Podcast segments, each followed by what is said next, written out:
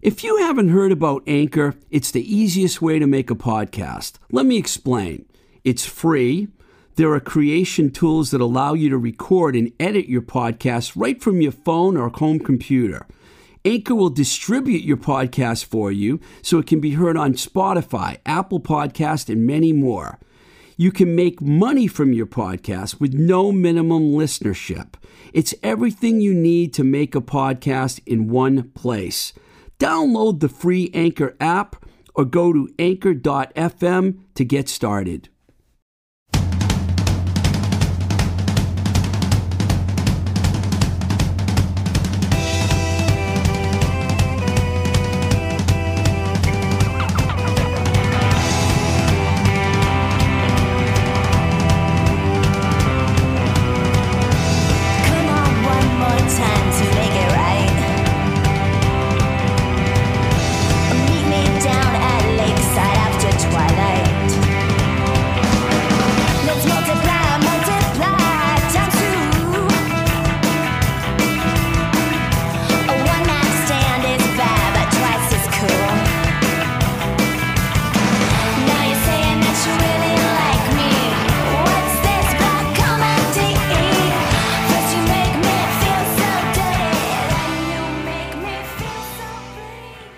Welcome to Blowing Smoke with Twisted Rico. I'm your host, Steve Ricardo. We've had the Reverend Hank Peirce on the show before. He's such a cool dude. I asked him to come back on again, and I, I- we did a great interview. I'm going to play it for you shortly. We talk about some heavy stuff that's going on in the world, and also some stories about when he was on the road with Slapshot and the Straw Dogs, and he used to tour with a lot of bands. He he went from being a, a a punk rock roadie to becoming a minister. It's quite a story. Um, I want to tell you about a couple other things first before we play the interview. So I spoke with my friend, my very good friend, Jack O'Neill from the band Jack O'Pierce. Jack's been on the show before. Uh, I, I call, we talked on the phone the other day because his band was one of the first bands that I know that went out and did some live shows. So I called him to get his perspective on how it went. And he basically told me some interesting things as they played a bunch of shows in Texas. They were actually makeup dates, first of all, from a year ago. So apparently things are a little different at the club level than they are in the Texas governor's office because the folks at the club level, despite the fact that the state was supposedly opened up, they're playing by their own rules. Masks were all mandatory. People needed to be seated when they were not wearing masks. You couldn't come up to the front of the stage. There were no meet and greets. But you get to see live music. Of course, it's a little different now, but it's a step in the right direction. Uh, you know, Jack also mentioned to me that a bunch of people that bought tickets to these shows did not come to the show but they basically told the band keep the money. They just weren't ready to go out yet. So i wasn't expecting to hear that from texas of all places. Uh, but the band got paid by people that weren't there. They got paid by people that were in attendance. And you know what? It's not a horrible thing when you're like trying to make a living as a musician and you know you can't really play gigs like so many bands have been unable to play. So when I heard when Jack when I heard Jack O'Pierce went on in the road, I figured Jack would, it would be great to uh, check in with him, and I did. And he was very gave me his, all these honest replies. And he's he's had his shots, and and you know some people have, and a lot of people haven't, but they're still being careful, even in Texas. So um you know, these are different times, and honestly, I'm not even sure whether, despite the fact, uh, you know, by the time this airs, I will be completely vaccinated. I hope will be, I will be, but I'm personally not in a big hurry to go to a club or a windowless room, you know, without a mask on. Uh, you know, but to, you know, people say this to each its own, but I hope people do the right thing. And Hank and I talk about this a little bit in the interview. Um, it's not going to stop for me or anyone else. Uh, you know, we got to be careful. It's it's just got to.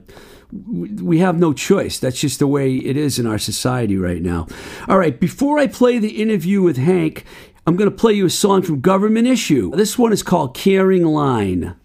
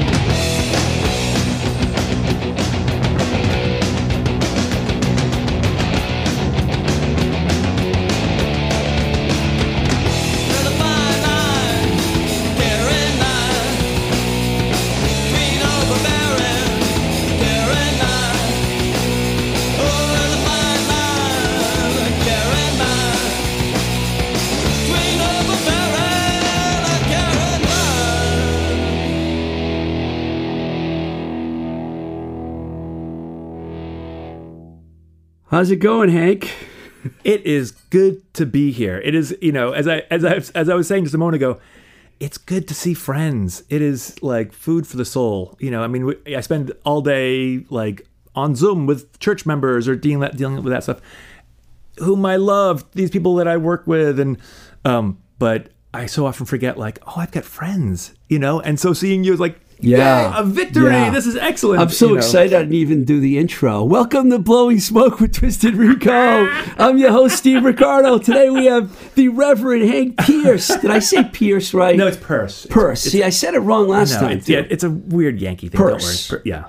I'm going to just spell your name P U R S E from now on. Yeah, or P E R R S, right? You know, yeah. So Hank was on the show, I think about maybe uh, 14, 15 months ago, Oh because it was gosh, yeah. Before the pandemic. Oh, that's and, right, yeah. And we were recording down the hall. But uh, I wanted to get you back on here to talk about some interesting topics that I think you will like. Um, uh, why don't you tell me what it's been like for you and tell our listeners what it's been like for you in the last year because I've been asking people that and I'm getting all these different responses. And did you have to do your minister stuff? The whole I don't know how to phrase Yeah, it. Minister yeah. stuff. No, that that that that, that works. Um, yeah. So so yeah, March fifteenth or March thirteenth, we all went like, okay, we have to you know go underground, and um, and so for the last yeah you know however many months this is, fourteen months, I've been uh, uh, preaching to an empty uh, sanctuary every Sunday morning. You know, go, go down there with my you know go down there with my laptop, and um, it's it's I mean it's it's very You're, zo- you're doing a Zoom. yeah. Wow, that's Actually, fascinating. For, for a long time, for, for for a bunch of months, basically from the summer until until February or or maybe March, we we were doing everything. Um, we were we were recording stuff, and then our like we had this with these amazing um, uh, tech folks at the church, volunteers who like were then sort of stitching it all together. But they were just, you know, they were just their, their entire Saturdays were spent doing this, you know. And I mean, it looked great, it sounded great, um, uh, but we were like, oh my gosh, these people are gonna, you know, dry up and then burst into flames, you know. so we have to we have to do something. So we switched back to Zoom and uh, and been doing our our services on Zoom, which is, you know, and of course the first first time you know, that first Sunday back, you know, someone lost a page of what they were gonna read, and there's a glitch and but um uh which i think everyone was kind of like it's live great you know so So could you tell how many people were listening to your sermons? oh yeah you can always look and see you know um uh, you can look and see who's who's doing it live and then then then go back and look you know during the week and see So how it works. it works. Yeah. I mean it's not it's um uh you know okay like for folks who know me like i am an and for, and for folks who know me they, they this won't be any big surprise but folks who don't know me i am an uber extrovert right? I love giant crowds. I love like being at a baseball games. I love you know um uh you know Well, didn't you grow up in the pit at hardcore shows? that might have been part of it too. But just, I love being out. I love being, you know, surrounded by people, going to protests, going to, you know, I remember like going to Times Square for New Year's Eve. wow, really? A million years ago, hanging out with guys with an Agnostic Front and Slapshot. We're there, like, and it was, it was just crazy. And we're like, this is the best, you know, and I just love that sort of stuff, you know. And uh, so all of a sudden to be back and to be like, you know, I love my family, they love me. We are so sick and tired of each other, you know? And so sometimes I'd just be like, I just need to go and walk down, I don't know, Newbury Street or walk around, you know, Davis Square, you know, and especially early in the early days, there was nobody there, but I needed just to be able to get out of, uh, out of my house and out of my head a little bit and just be like, oh, right, you know, and, you know, for anyone who's lived in any city for long enough, you know, every corner there's a ghost or a story or, you know, you kind of go like, oh, that, you know, that, that, that burrito place is, you know, I dated a girl who lived in that house that, you know, whatever, all that, all those sort of things. Yeah, just have, oh, went to a great party there. my say, friends. I, you know. talking about Anna's taqueria? I'm like burrito. yeah, right? No, exactly. You know, uh, why don't you tell the, our listeners? Because some people know who you are from working with bands. Some people know who you are from being in American Hardcore, the film, and a lot of people know you as a minister. What kind of a church is it that you work in? Can you explain that? Why would they hire somebody like me? No, I you already won me over long ago. and I know what kind of person you are. I know you're a great person, but some of our listeners are probably why in the world does he have a minister on his show? And, and th- we'll tell the whole story, but before we tell that, how wh- how would you describe your situation? So, uh, so I'm a, I'm a Unitarian Universalist minister, and I have a um, and and I, that's the the church I serve is uh, uh, in Reading, Massachusetts, just north of Boston, and it is a um, uh, Unitarian Universalism is this very eclectic faith. You know, in, in it uh, historically it grew out of the Pilgrims. You know, Pilgrim. You know, um, but and and one like what's at the core of of um, of sort of really from the pilgrims on was this con- was a congregational polity, right? So each congregation gets to decide what to believe, and they make up their own covenant. Really? right? So there's no there's no um, uh, it's it's really about um, it's not necessarily about belief. It's about but it's about action. So it's you know that, that you know we, we're we're we join together in common cause with each other, not necessarily out of common belief. You know, except for the belief of freedom of the freedom of belief. And, And um, you've been doing this for a long time now. yeah, 22 years. Wow. I know. Like, oh my God, I, have got gray hair. Oh, yeah. Um, You got more hair than I do, sorry. but uh, I would be happy you have good hair, actually. so, you know, you start. I met you in 1986 when you stayed at my house, and I didn't really know you then. yeah, 85, were- 86. Yeah, yeah, yeah, that's right. Yeah, when you were on tour with uh, the Straw Dogs, who were the FUs. And our, and our back to being the FUs. Yeah, yeah, Right. yeah. Back to being the FUs again. And then, you know, from that point on, we got to know each other more because we lived in the same neighborhood in Davis Square. Yeah. And we used to see each other at Diesel a lot, Right, which right, I right. already went to today, as Oh, you can see good. by this iced tea. I give Diesel a free commercial on every show. I hope they appreciate it. I love those guys. They're so good. Lovely folks. So, yeah. but uh, you haven't really just checked out of music. You're still very involved. Uh, well, you know, I, you know, I, I, I certainly, yeah, I think, I think, you know, I think early, early in my ministry days, you know, sort of in the um, uh, late '90s, early 2000s, there was, I think, I had a sense of like, oh, I need to, you know, act a little bit differently. You know, I mean, it's funny, you know, my my very first, um, uh, when I was applying to. to uh, uh, to seminaries. I, I went to UMass Boston. I have a degree in religious studies from there, and I was checking out different divinity schools. And I and there was a I was invited to a party at Harvard Divinity School. Please come check us out. We have a party. Seven, I know that Seven Divinity. I know Right, that right. location. And, and and so I, I went in great, and I went in, and like very shortly, I realized like I can't come to this school. Like I don't own enough sweater vests. Like this is not this is not my is, these are not my people. I ended up in Chicago for a year. Oh right, cool. I didn't know that. Maybe you told me that, but I and remember. and um and I I love Chicago. The school that I was at not so great, um, but I love Chicago, and I was like, oh, I, I'm kind of you know, and I, but I was engaged to a woman who was living here, and so I moved back and finished up seminary here. Um, uh, but there was always you know, I, I got when I was in in Chicago, I got really depressed because I was I kept thinking like I've got to act a certain way as a minister, and I have to sort of not you know sort of put away my childish things. And I got really depressed because I was like, oh, I realized like, oh, this is not who I am. I have to sort of be me, and um, which is you know um, sometimes great, and sometimes it drives my churches crazy. The churches I've, I work for because they're kind of like, what, are you talking about? We don't understand, or you know, and um, uh, you're still friends with a lot of guys in bands and stuff, right? yeah, Yeah, yeah. probably most of your closest friends, right? A lot of them are, yeah, yeah, yeah, and it's you know, which is um, uh, which is great. I mean, it's it's that sort of shared experience that you have um, uh, as a you know teen, early twenties, because you go through these like intense events and um, uh, and you and you meet folks, and I think you know it, it really was punk rock was the place where anybody who felt any kind of like Outsider, outsider kind of thing that it just um uh, that you kind of went like you gravitated to. And whether that was because like you know your parents were from a different country you know i mean it could even been like your parents were from ireland and like that was a that was enough to make everyone else in your community go like what's up with you? What's that? You know? Or or you were poor or whatever you know or or you know uh, mentally ill and uh, or or whatever or or had you know or, or never mind never mind folks who were gay or transgender all those all those you know other other things um, you know uh, gender minorities, racial minorities, all those um, sexual minorities, all these different things that we all kind of gravitated to to this to this place, and um, you know, it wasn't always easy because you know, like the the models we had for like you know keeping a community together was basically basically like either do what everyone else is doing or do the exact opposite, and you know, that's those aren't like a lot of options. I know you're probably a little younger than some. I know you're probably a little younger than some of those guys, but were you around the Boston crew at all, or were you too young? I was yeah. I'm just I'm a few years younger than, than those guys. So you know, and, and I grew up outside of New Bedford, down down in lovely Fairhaven, um, on on the south coast, and um, the uh, um, uh, so you know, kind of like Las Vegas down there, right? Right, exactly. Yes, exactly.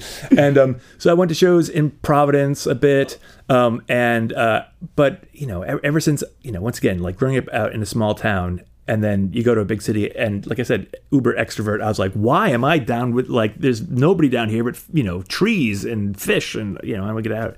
Um, and so um, you know, you know, started coming to shows up here, 83, 84. The, the hardcore movement was still going Oh strong. yeah. Oh yeah, yeah, yeah, yeah, yeah. 84 was a big year, actually. A lot of great records came a lot of great records came out that year, and um, uh, and it was you know, and and it's still you know, I mean, I, I still have dreams about like some of the apartments I lived in at those times and all that sort of stuff. So you know, I want to talk about more music, but uh, I'm going to hit something else. I'm going to hit you up with something else first, because I got we got to talk about this. Um, you know, I've always felt uh, that I could talk to you, and you you're not a judgmental or a preachy person, so it was always easy for me to talk to you, even though I'm a Reformed Catholic. I guess that's the only way that I can describe myself.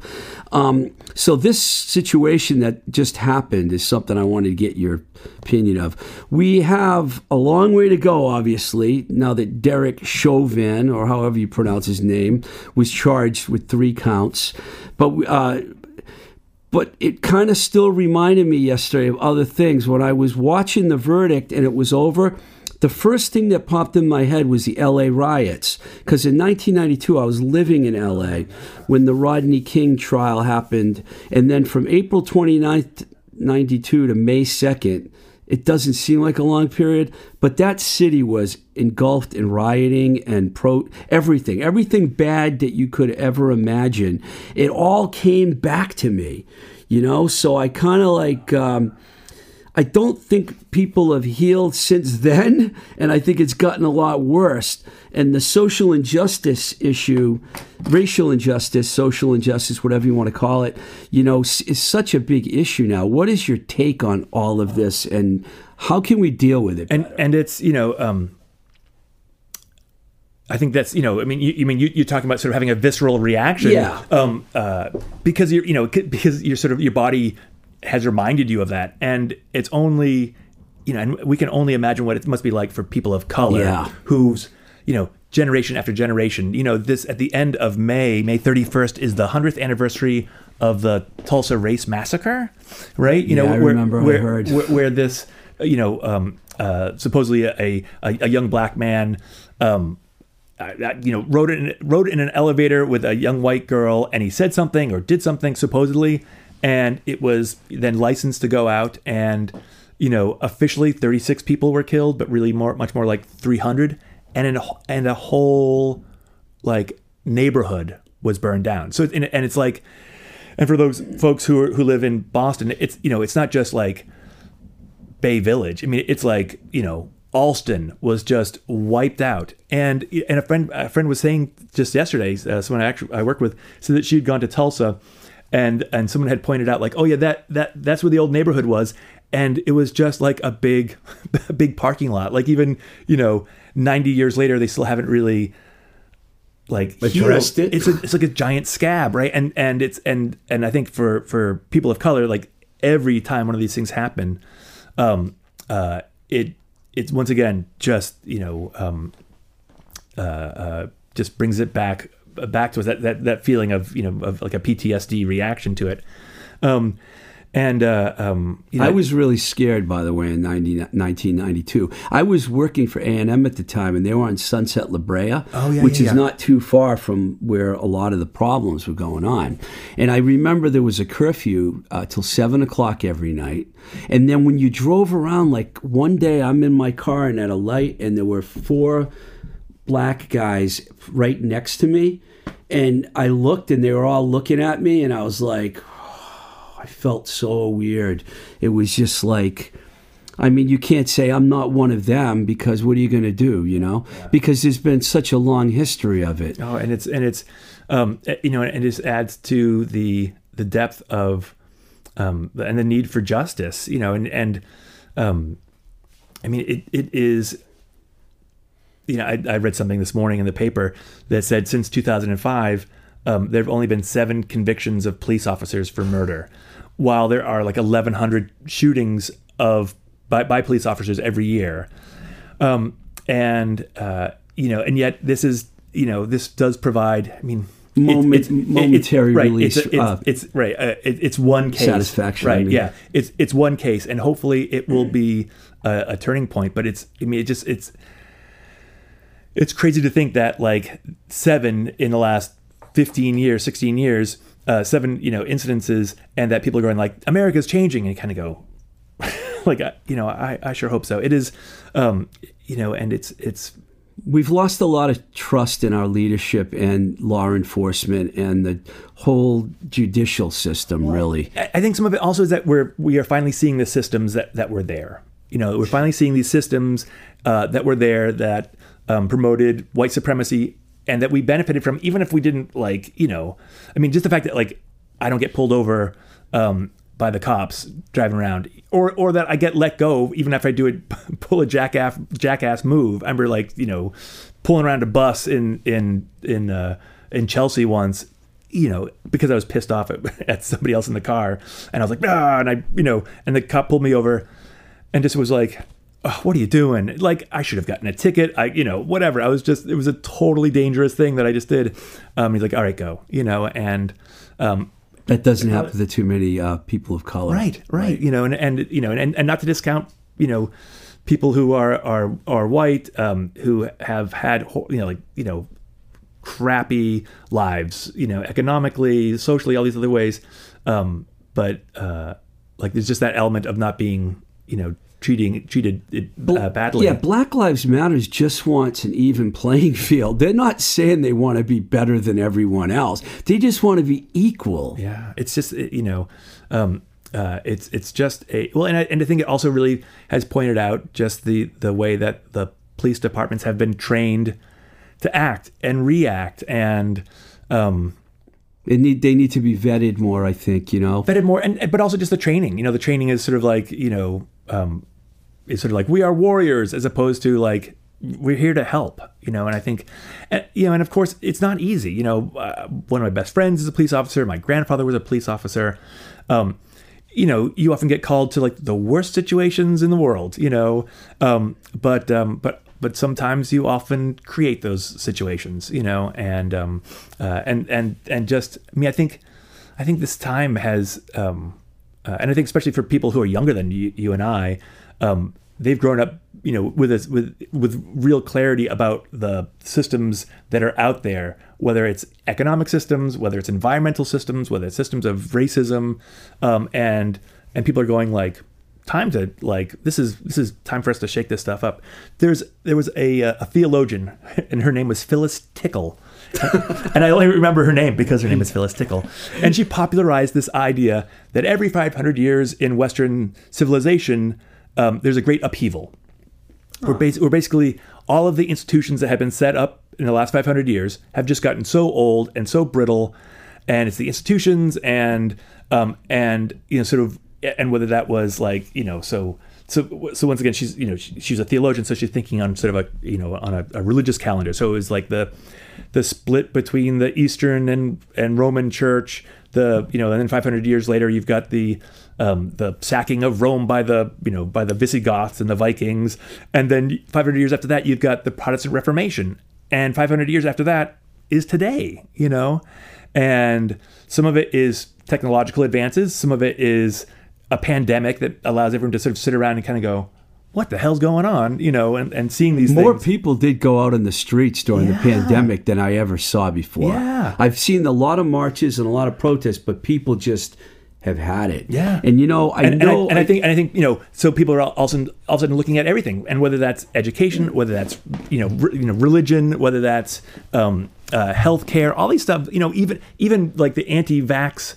uh, um, uh, let me just let me also back up and sort of say I hope everyone who can get a vaccine um, uh, in for you know can can do it I know you know it's, we have to be careful not everybody can for I'm one reasons. down, one to go. Right, right. And I, I was. You know. I don't like needles. I never got a flu shot, but I feel the importance of this moment in time because I know people who lost people. Right. You know, a lot of them. Yeah. I mean, we got hit really hard here in we sure did. Massachusetts. I was. I I lived in Pittsburgh, and I just moved back here.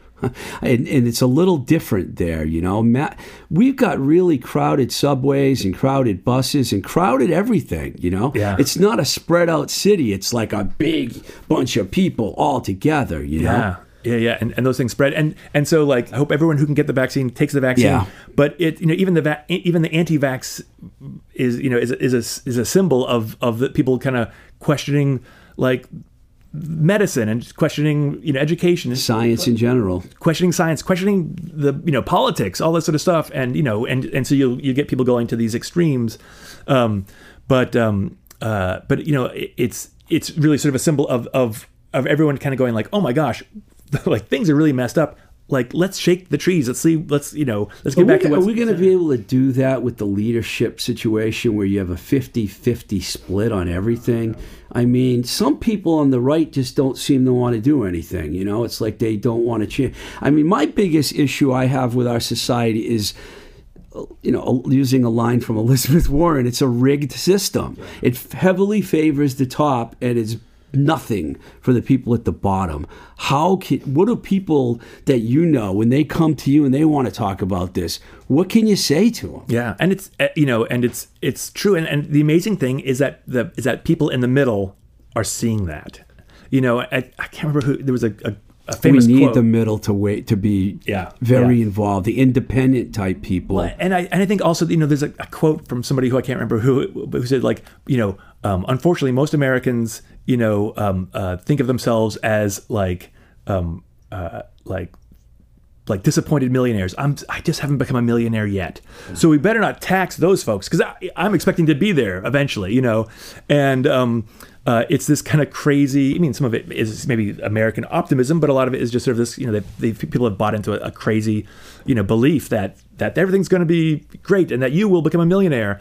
And so we vote against our best intentions because we think, well, you know, this this won't apply to me for long. You know, so you know, I grew up in a very low, not like lower middle income situation. My mother came from Italy. She didn't speak English when she got here. She went through all kinds of racism where she worked and everything. The women that she worked with they teach her all the bad words, you know, and she they'd tell her to say them when the boss came in. She's told me some crazy stories. She got here when she was 23.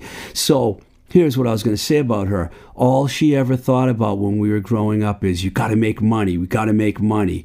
You know, and that's what they tried to instill in us. My brother became a millionaire. Not me so much. I picked the music industry. But, but you know, I think a lot of people grow up that way where they believe that without money, you're not going to get anywhere in life.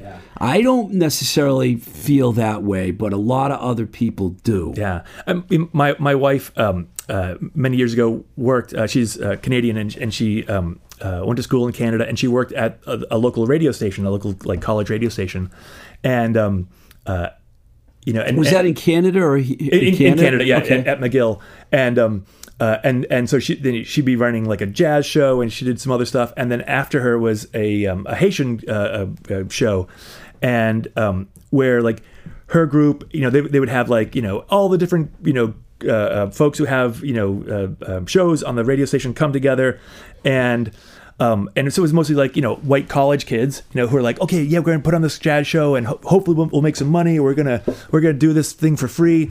And and in the Haitian community, they're like, oh yeah, we're putting on a like a, a dance, and we're charging money, and and it took them a while because all the white kids were like, "That's you know, why are you making money off this college station?" And then you finally realized, like, "Oh, right." For people who didn't grow up with any with any money, like actually having money is is is, Yeah. is is important, you know. And so we shouldn't be trying to like impose our our virtues onto like you know other folks, you know, coming up, you know, because it's you know once again it's, it makes an us and them where we should we really need to sort of you know to sort of you know center the black experience in um uh, in our you know in when we talk about race like what's what it must be like for a, African American or a Haitian in Canada or you know all these all these different things and um you know it, it's it's a, it's a complicated issue. You know, it's gotten what happened the last four years before this one. It just made it took things to another level of like us versus them, you know. And now you don't. I, f- I feel hopeless sometimes, Hank. sure yeah I, I'm glad you're here because maybe you can make me not feel so hopeless. That there is hope for myself and other people out there. That there's enough people on the right side of this that are going for the equal equality. And I'm talking about transgender, gays, lesbian, everything. Everyone needs to be treated the same. Yeah. You know, and I don't know how we're gonna how we're gonna do that.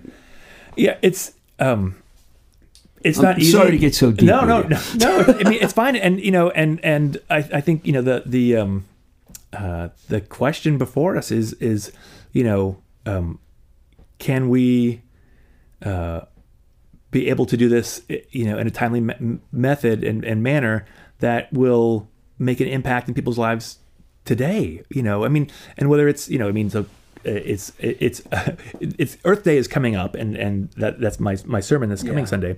Um, is about Earth Day and the realization that you know it's not just about like me picking the right garbage can to put my recycling in.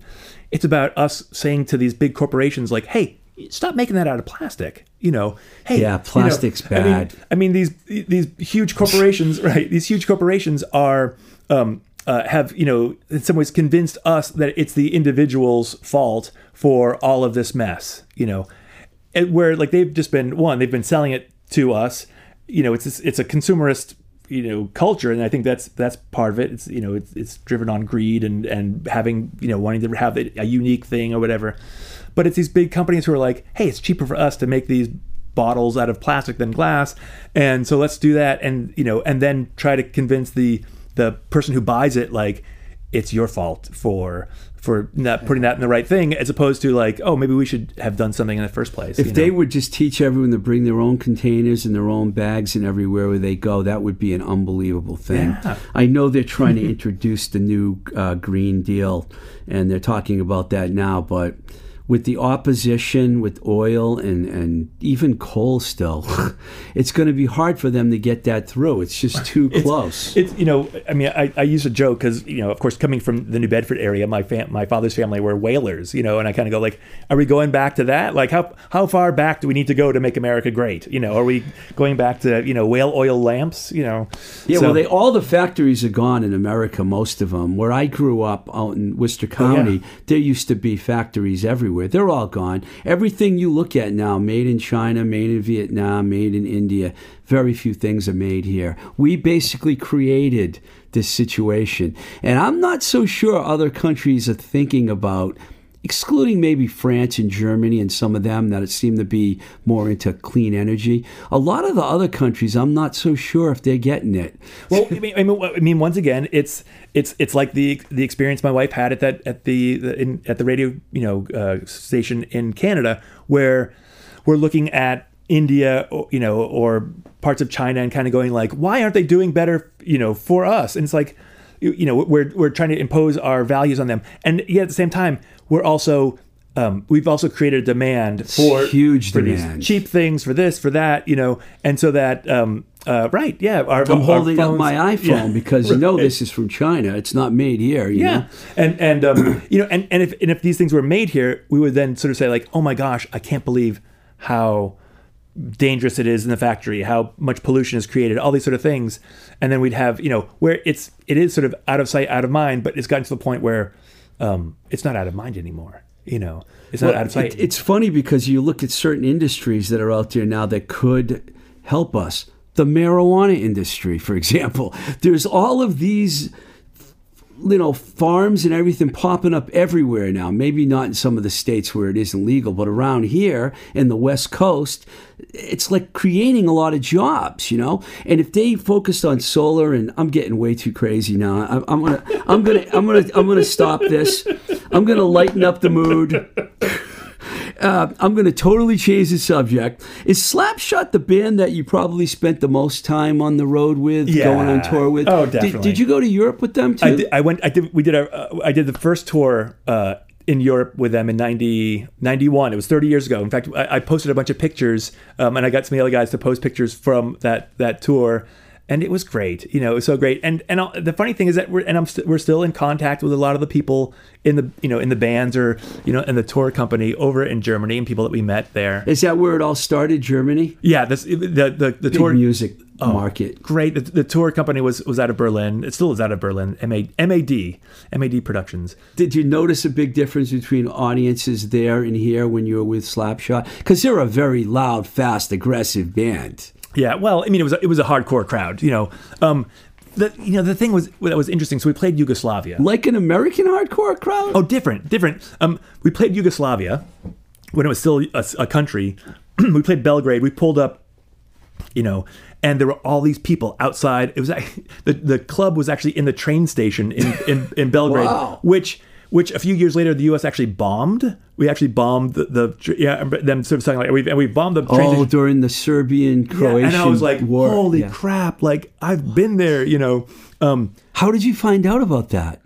It was on the it was on the news, like oh, and they, they had to bomb the, the main train station in, in, in Belgrade. The U, U.S. you know sent, sent missiles in, right? But um, but we we pulled They bombed the hardcore venue. Oh my we, god! we pulled up, and there were this long line of kids outside waiting to get in, and and this kid came up, you know, who was running the show, who looked like an American hardcore kid. Everyone else just looked like teenagers, um, and um, uh, and I was, and I said to him, I was like, "This is fantastic." I said, "Like, I can't believe that they're all, that all these kids know who Slapshot is," and he's like, "Oh, they don't know who Slapshot is. They, they just know it's a band from America, you know." And I was like, Really? Yeah." And I was like, Wow. "Oh yeah, right, right, right," you know That's fascinating. it, it was um and it, it was and, and then the next night we played in Sarajevo and a huge barroom brawl broke out with with neo Nazis and it was um it's uh yeah it's you know and, and Wow, how did you guys get out of there in one piece? uh, you know I mean it, it, I mean we were outnumbered by these neo Nazis and so um I started it because I wouldn't sell a T-shirt there was some drunk skinhead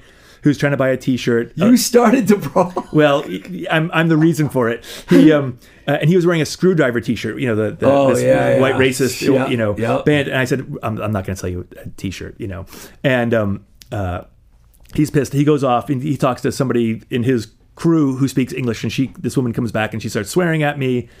And at that point, the band was actually off doing a radio interview. So it was me and our German, um, the German support band, um, in this club, which is filling up, which is it was actually in the basement of this building. Uh-oh. And um, and I'm like, okay, you know what? And I've got my pockets filled with like Yugoslavian dinar, which is which was worthless, but still, you know, I was like, you know, I don't want to get attacked or rolled or anything like that. So I just like we just packed up all of our t-shirts and put them behind stage, and then all these more, more and more skinheads started showing up, and I'm like, the band's not back, and I'm in, I'm in back with these German guys, and we're This like, is before the show. this is before the show. Oh my I'm- God. I'm, I, I was literally breaking chairs to make weapons.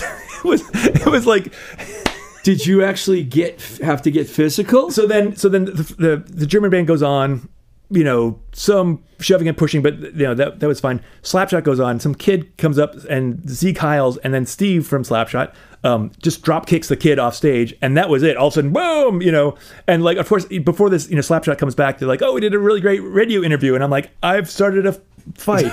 Um, but full on it was it was like a cowboy and western you know you know movie thing chairs are flying and and um uh i remember at one point looked up and choke had a, a mic stand with like one of those big heavy weights at the bottom and he Choke's family were also whalers, and and Choke just like he just heaves this thing like it was a like it was a harpoon. Boom! It hits this kid in the head, and it was, and part of it was the fact that like we were a bunch of like corn-fed American kids um, uh, that um, were you know and fighting a, a, a, a, you know fist fights with a bunch of kids who like hadn't you know had didn't have a, a good healthy upbringing, you know, and so like one punch, boom, they go down. Oh, okay, all right. But the thing that I always remember too is that I was wearing LL Bean boots, you know, like those rubber boots. Yeah, not boots that you want to wear in a barroom brawl. I'm like kicking somebody. You're like, oh, And I'm sure they, ah!" I'm sure they all, all had the big black boots on. totally yeah of course and and the club owner came down like after we, we finished the set and you know uh, the nazi kids left and um the um the uh the club owner came down he's like uh, you should leave before the police come, and we were like, "Yes, let us leave before the police come." So we all packed in the van and just drove like out to where. Did they get paid? We might have, but you know, it's. But also, once again, like the, we did, so we played three shows in in Yugoslavia, and it was sort of like we're doing this for fun, you know, because Yeah. Like you know we're, we we got paid in this money that like you could really only spend in Yugoslavia, you know, and so like as we're leaving Yugoslavia, we're like, all right, well, let's go buy some, you know, at the at the truck stops buying like clog. We all bought clogs, you know, it's just like dumb stuff like that, That's you a know. great story, man. That's a great story. I have to ask you because I don't think I asked you this last time. Did you ever watch the, the documentary about Slapshot? Oh, yeah. Obviously. Yeah, yeah, yeah. Do you Yeah. think that was a good depiction of the way things were with the band? Because there seemed to be a lot of the couple of angry guys. Which one, Mark? Mark, I know I've known for a long time. He's you know a great guy. Choke, I don't really know that well, and I they came across really. I think it, I think it was a, it was a it was a very honest um uh uh you know Depiction? depiction at that time and you know and the thing of is of course is that like none of us got into punk rock because we were normal or had healthy family systems you know and um you know and, and so here we are you know trying to work stuff out people thinking like all right we have to get you know we, we're gonna make make it big and this maybe this person's slowing us down or whatever um and of course like after that i mean I mean, the thing about the video, about, about the movie, actually, was that it was a great cathartic event for all of us, you know. So then, like the, grudges that we had held because this had happened or that had happened, we're all sort of like, you know, we talked about. Is everybody but- all friendly again? Yeah, Good. yeah, yeah. You know, I mean, we always still kind of go like, "Hey, what's up with so and so?" But you know, it's, um, but really, you know, we we we still care about each other, and you know, The first time I saw Slapshot was at CBGB when I was living in New oh, York. Oh, yeah. And when he, when Choke came out with the hockey stick, John Anastas was still in the band. oh Now, yeah, yeah, this yeah. is going way that was, back. that was our first our Yeah. first show in, in New York. Yeah, yeah, yeah. You were there that day. Yeah, it was a hardcore matinee, I believe, Yeah. Sunday afternoon. But they, the band was unbelievable. I was like, wow, because a lot of people like this is the next generation of Boston hardcore, but Choke really was Yeah. at the beginning of the whole thing. And I guess Slapshot is still together. still together. I just saw um, some a, a clip of of uh, uh, of, of, of a practice, you know, that they, they just had last last weekend. You know, them you know writing some new songs and stuff, getting ready to record. I thought this would be a good band to talk about because I know you spent a lot of Yeah. time with them. Uh, is there any other bands that you spent almost as much time with? Like the Straw Dogs didn't really do a full on tour, right? Didn't they do like a few dates across well, country? So, so we did that big that we did that big tour that when when we when you and I met, um, and then I did a bunch of um, and then I did a bunch of sort of you know like week long you know tours down to Florida or that sort of thing, and um, did you did you know Steve? You must have knew, you know Steve Martin. Oh, of course. Have you kept yeah. in touch with Steve over the years? have, yeah, He's yeah, yeah. done quite well Oh for my himself. gosh, yeah, yeah. Steve is for anybody who um, uh, doesn't know Steve. Steve is the person that that um, uh, um, uh, what's what's the um, oh. He's a publicist, He's pretty a publicist, much. but but he's he's the person that they they base uh, much of the um uh uh oh I'm trying to think of the name of the show. Oh, a big it was a big HBO show. Um, Oh, I haven't been watching much HBO. no, no, this is a long time ago, and um, uh, and the the publicist or, the, or like the the manager guy um, uh, would always sort of say, "Hey, hug it out, hug it out, you guys." Ari, oh gosh, Oh, I know what you're talking about. Uh, the group of guys from Boston that moved to L. It's based on Mark Wahlberg's Yeah, yeah, yeah. life. Right, right, right, right. And why can't I think of the name of it either? But- but- Ent- Entourage. Entourage. There we go, Yeah, yes. it just Yeah, yeah. popped. Well he didn't tell me. It popped in my own head. Entourage. Wow, that's an interesting comparison. That, that's that Steve. That well, not not completely, but some of some of the some of the things you know is you know are, are sort of based on on on Steve, who's like, no, no, I gotta you know, I mean, because I think also you know, coming up in the music scene and having real experiences in music, Steve has a really different set of Yeah, of, you know- of, of expectations for you know the music industry for for for the musicians that he represents. When I know? was working at Giant Records, uh, and I was out uh, in Long Island, Dutch East India was located in, in uh, Rockville Center. Steve was writing for a Long Island paper, and he started reviewing all my bands. This is before I even he act his ex girlfriend actually was my intern for a little Oh, no while. kidding. Yeah, he called me up one day and can my girlfriend come in and be your intern? I'm like, yeah. But then I saw Steve. Uh, actually, he was actually I'm wrong because he had already been in the Straw Dogs. This is after the Straw Dogs.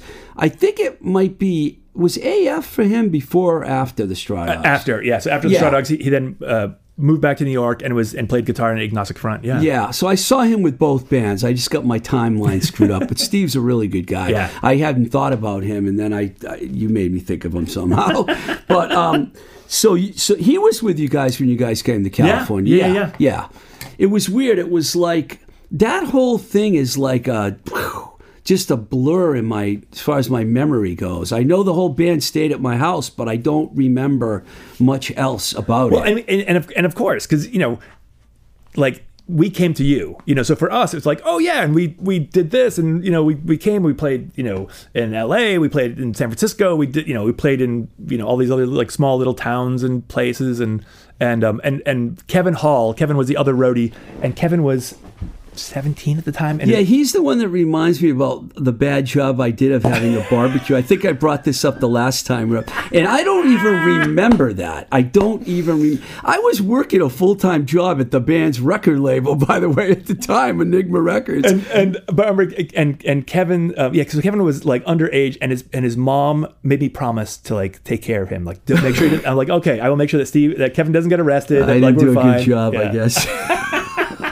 Kevin's a great guy, great, uh, a great guy, a great, great father. Yeah, good guy. Really- Yeah, that band though, you know, they have. Uh, when I think about the greatest songs to come out of Boston, "Young Fast Iranians" is always like way up high on that list with like "American Town" by the Freeze and and you know how much art can you take, you know, and Th- their This songwriting- is my world, you know. I mean, it's right there with Yeah. those bands. Yeah, you th- know? their songwriting um, was and still is absolutely fantastic, and uh, and John John's voice is is just uh, amazing, and so I think that's you know. Um, I'm gonna get John on the show. I got to get oh in touch yeah, with oh, him. definitely, yeah, yeah, yeah. Because I think also just having, um, uh, it, it- they they are certainly an, uh, uh, a band that I can listen to now and kind of go, oh yeah. I mean, it's in a, you know, it, it's funny that They sound more metal when you listen to them now. You know, Oh, it sounds a Yeah, lot yeah. more metal than hardcore. The early FU stuff was like in your face, Yeah. hardcore. and I think that's and I think that's the the case. You know, in I think in every music scene, every hardcore scene, that there were bands who, um, as they like they progressed and certainly they matured, the musical taste matured, but also their um, their uh, their their ability to play their instruments also got better. They And- were good, actually, Yeah. when you think about And- the way they played. They had a great band. And I think I think in each scene, then like you know, people go like, "Oh, Boston all went metal." Some of that was because that's the music that was sort of like that people, you know. I I so- so- sometimes felt like like being in a band was like therapy, and so all of a sudden they were like re- able to re-enter society after they'd learned and matured and gotten these experiences. And it's like, well, what do you want to play? Well, what's everyone else listening to? Well, everyone else is listening to ACDC. All right, let's play like that, you know. Or in DC, it was more of a, you know, not not not Simon and Garfunkel, but you know, a, a- had a different a different feel. The the um, uh, the go-go scene was really big there. Go-go music was really big, and so you have that that influence. You know, um, the the musicians from that era had had loud voices here because there's all these press conferences that you can like when Choke and Al Barile did their press con- and then DYS comes out and says we're a metal band now you know those bands really were able to they had a they had a huge following Yeah. I mean when you talk I put the Boston hardcore scene right up there with DC and LA and probably those are the three biggest. I mean, San Francisco had a bunch of good Yeah. bands in other markets, but the Boston one, and you were like right, right in the middle of it all, Hank. it, it was you know um my so my mother I don't know if I said this last time so my mother was a, a, a traditional Irish storyteller so I grew up in the in the folk music scene right and, and, and, Oh. in, and in the traditional folk music scene so like you know so not Simon and Garfunkel you know but but you know real traditional music and um and so my mom's friends were all um you know I mean if they weren't musicians they were then like professors who were studying you know musicology and folklorists and this sort of stuff. And so there's always been a part of me that that that sort of looked at these at each of these different little punk rock scenes as like you know i mean one of the reasons i wanted to go on tour is to sort of see like so what's it like you know in lawrence kansas? Like do the do the kids dance in a circle like counterclockwise? Or like you know what there's all these different Yeah. things um, that the environments shaped um, the music scene and you know which also is reason why like you know certain you know bands from certain cities had a certain sound you know. You know what while you know why Dischord you know early Dischord bands often had a similar sound and you know and then they, maybe some of the older bands had a different sound or you know the, you know boston was very sort of vocal and guitar strength strength. Chicago very bass and drums you know centered. And you know so so i, I was i loved that aspect of of you know early punk rock kind of going like well you know why did this scene arise? And was it and was it around like a certain group of people? Was it like you know what was it? And i love that. I, you know DC pretty much, from the way I understand the story, it's been told so many times. They really influenced some of the Boston bands early Oh, on, sure. and then the Boston bands were like, "Well, we're taking it to another level," Yeah, which yeah. they did. Well, you know, and one of the things in that um, Steve Blush, who's the who- you know who Yes. who put together the the um, uh, uh, American hardcore book, you know, he he he talks about you know that that cities that had um, suburbs. Um, where you know where these where the kids were able to sort of like they're able to go into the city for a show, but then they'd come back out home and be like be able to like have a garage to play in to practice in, and and so that's Boston was prime for that. L- DC was prime for that. L.A. sort of, but, mean, but LA's also uh, you know has a has a sort of a different a, a different you know history, music history, um, and um, and you know he's you know in some ways he's he's talking about why New York bands like the early uh, New York hardcore bands weren't that great, you know, They they were they, there weren't a lot of them. It's hard to believe they Right. came to the party late. right? And and some of it was that you you had all of these kids who had you know.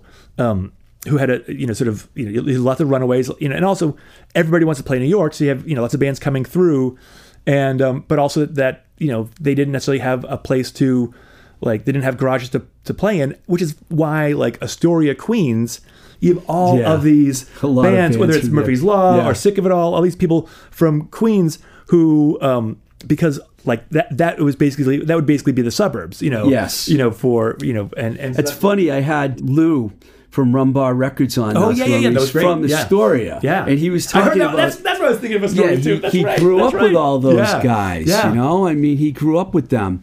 I lived in New York City for two years when I left L.A.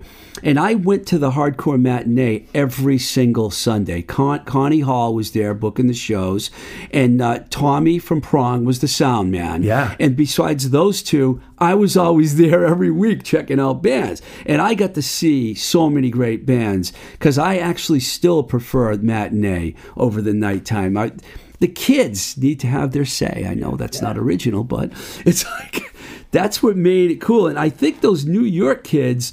They might have come along late with the bands, but they were there right from the beginning when Bad Brains showed up and all the Boston bands and DC bands. They that place was always packed. Every show you'd go there and it would be packed.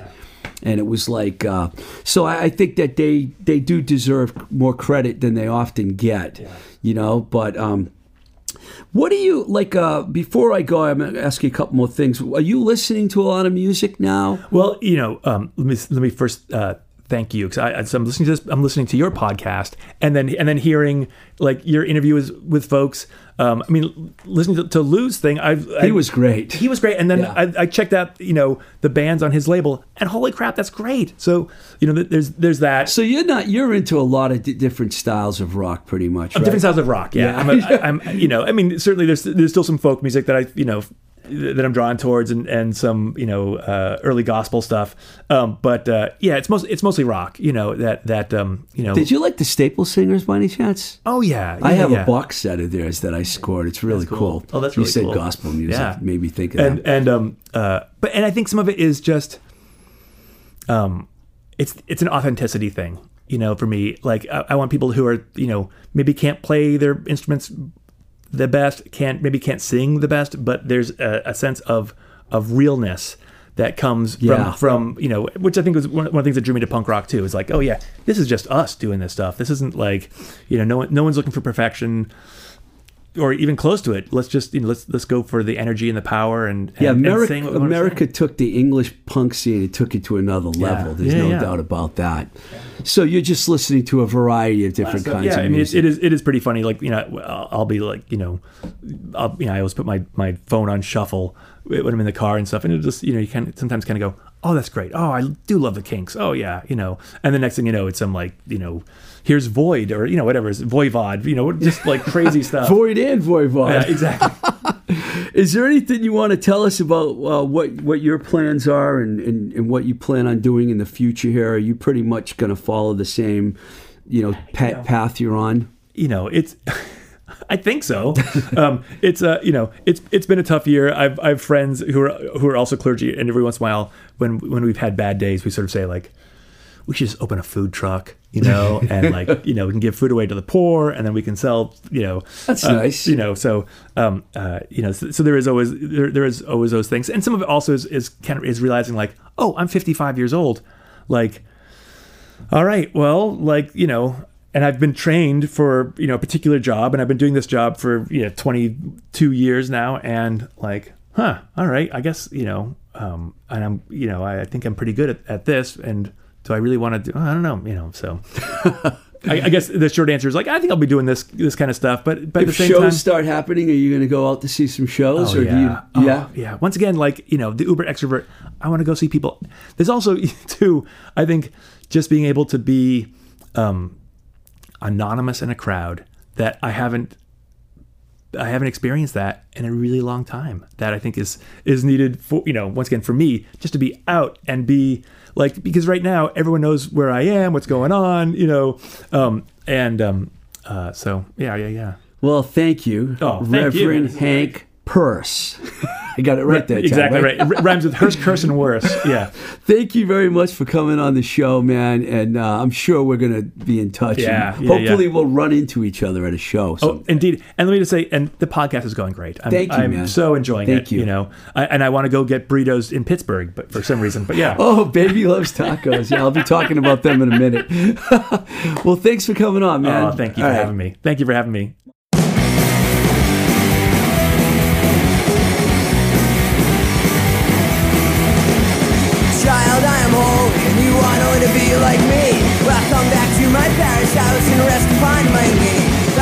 Cleansing of your soul begins with the parting of your clothes. Your life will be changed forever when my love inside you grows. What's confessional? We will be as one. What's confessional? The damage will be done. What's confessional? We will be as one. What's confessional? Religion can be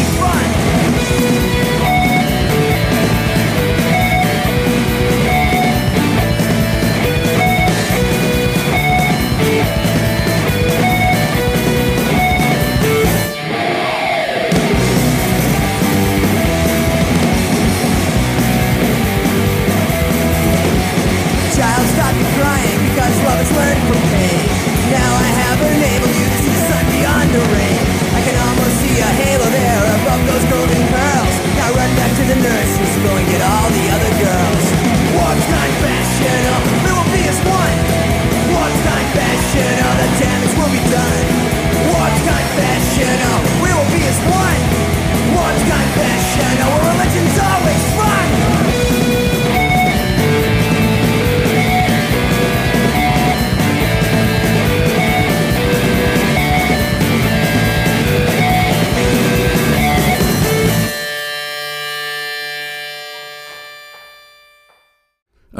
That was uh, Warped Confessional by The Freeze. It's funny how coincidentally things happened. I didn't think that I was playing a song about confessions when I had Hank, the minister, come in here.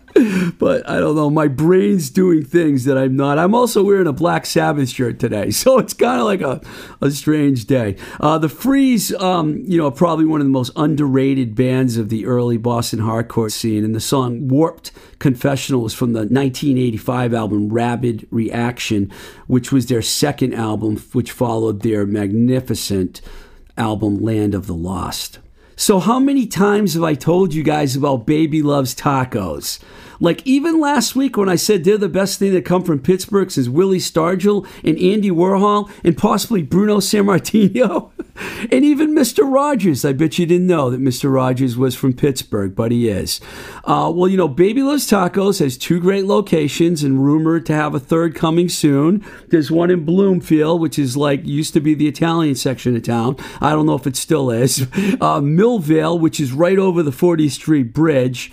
Uh, you can have some of the best Mexican style food that you could ever imagine at Baby Loves Tacos. Baby Loves Tacos, where everybody eats. All right, so it's fun to have Hank on the show. And uh, I like the idea, by the way, of bringing guests back for a second time as we get closer to our goal of 100 episodes. Man, this has sure been fun. And if you want to help keep this going, please support and check out the Patreon page at patreon.com forward slash Twisted Rico. And you can reach out to me at twistedrico at gmail.com.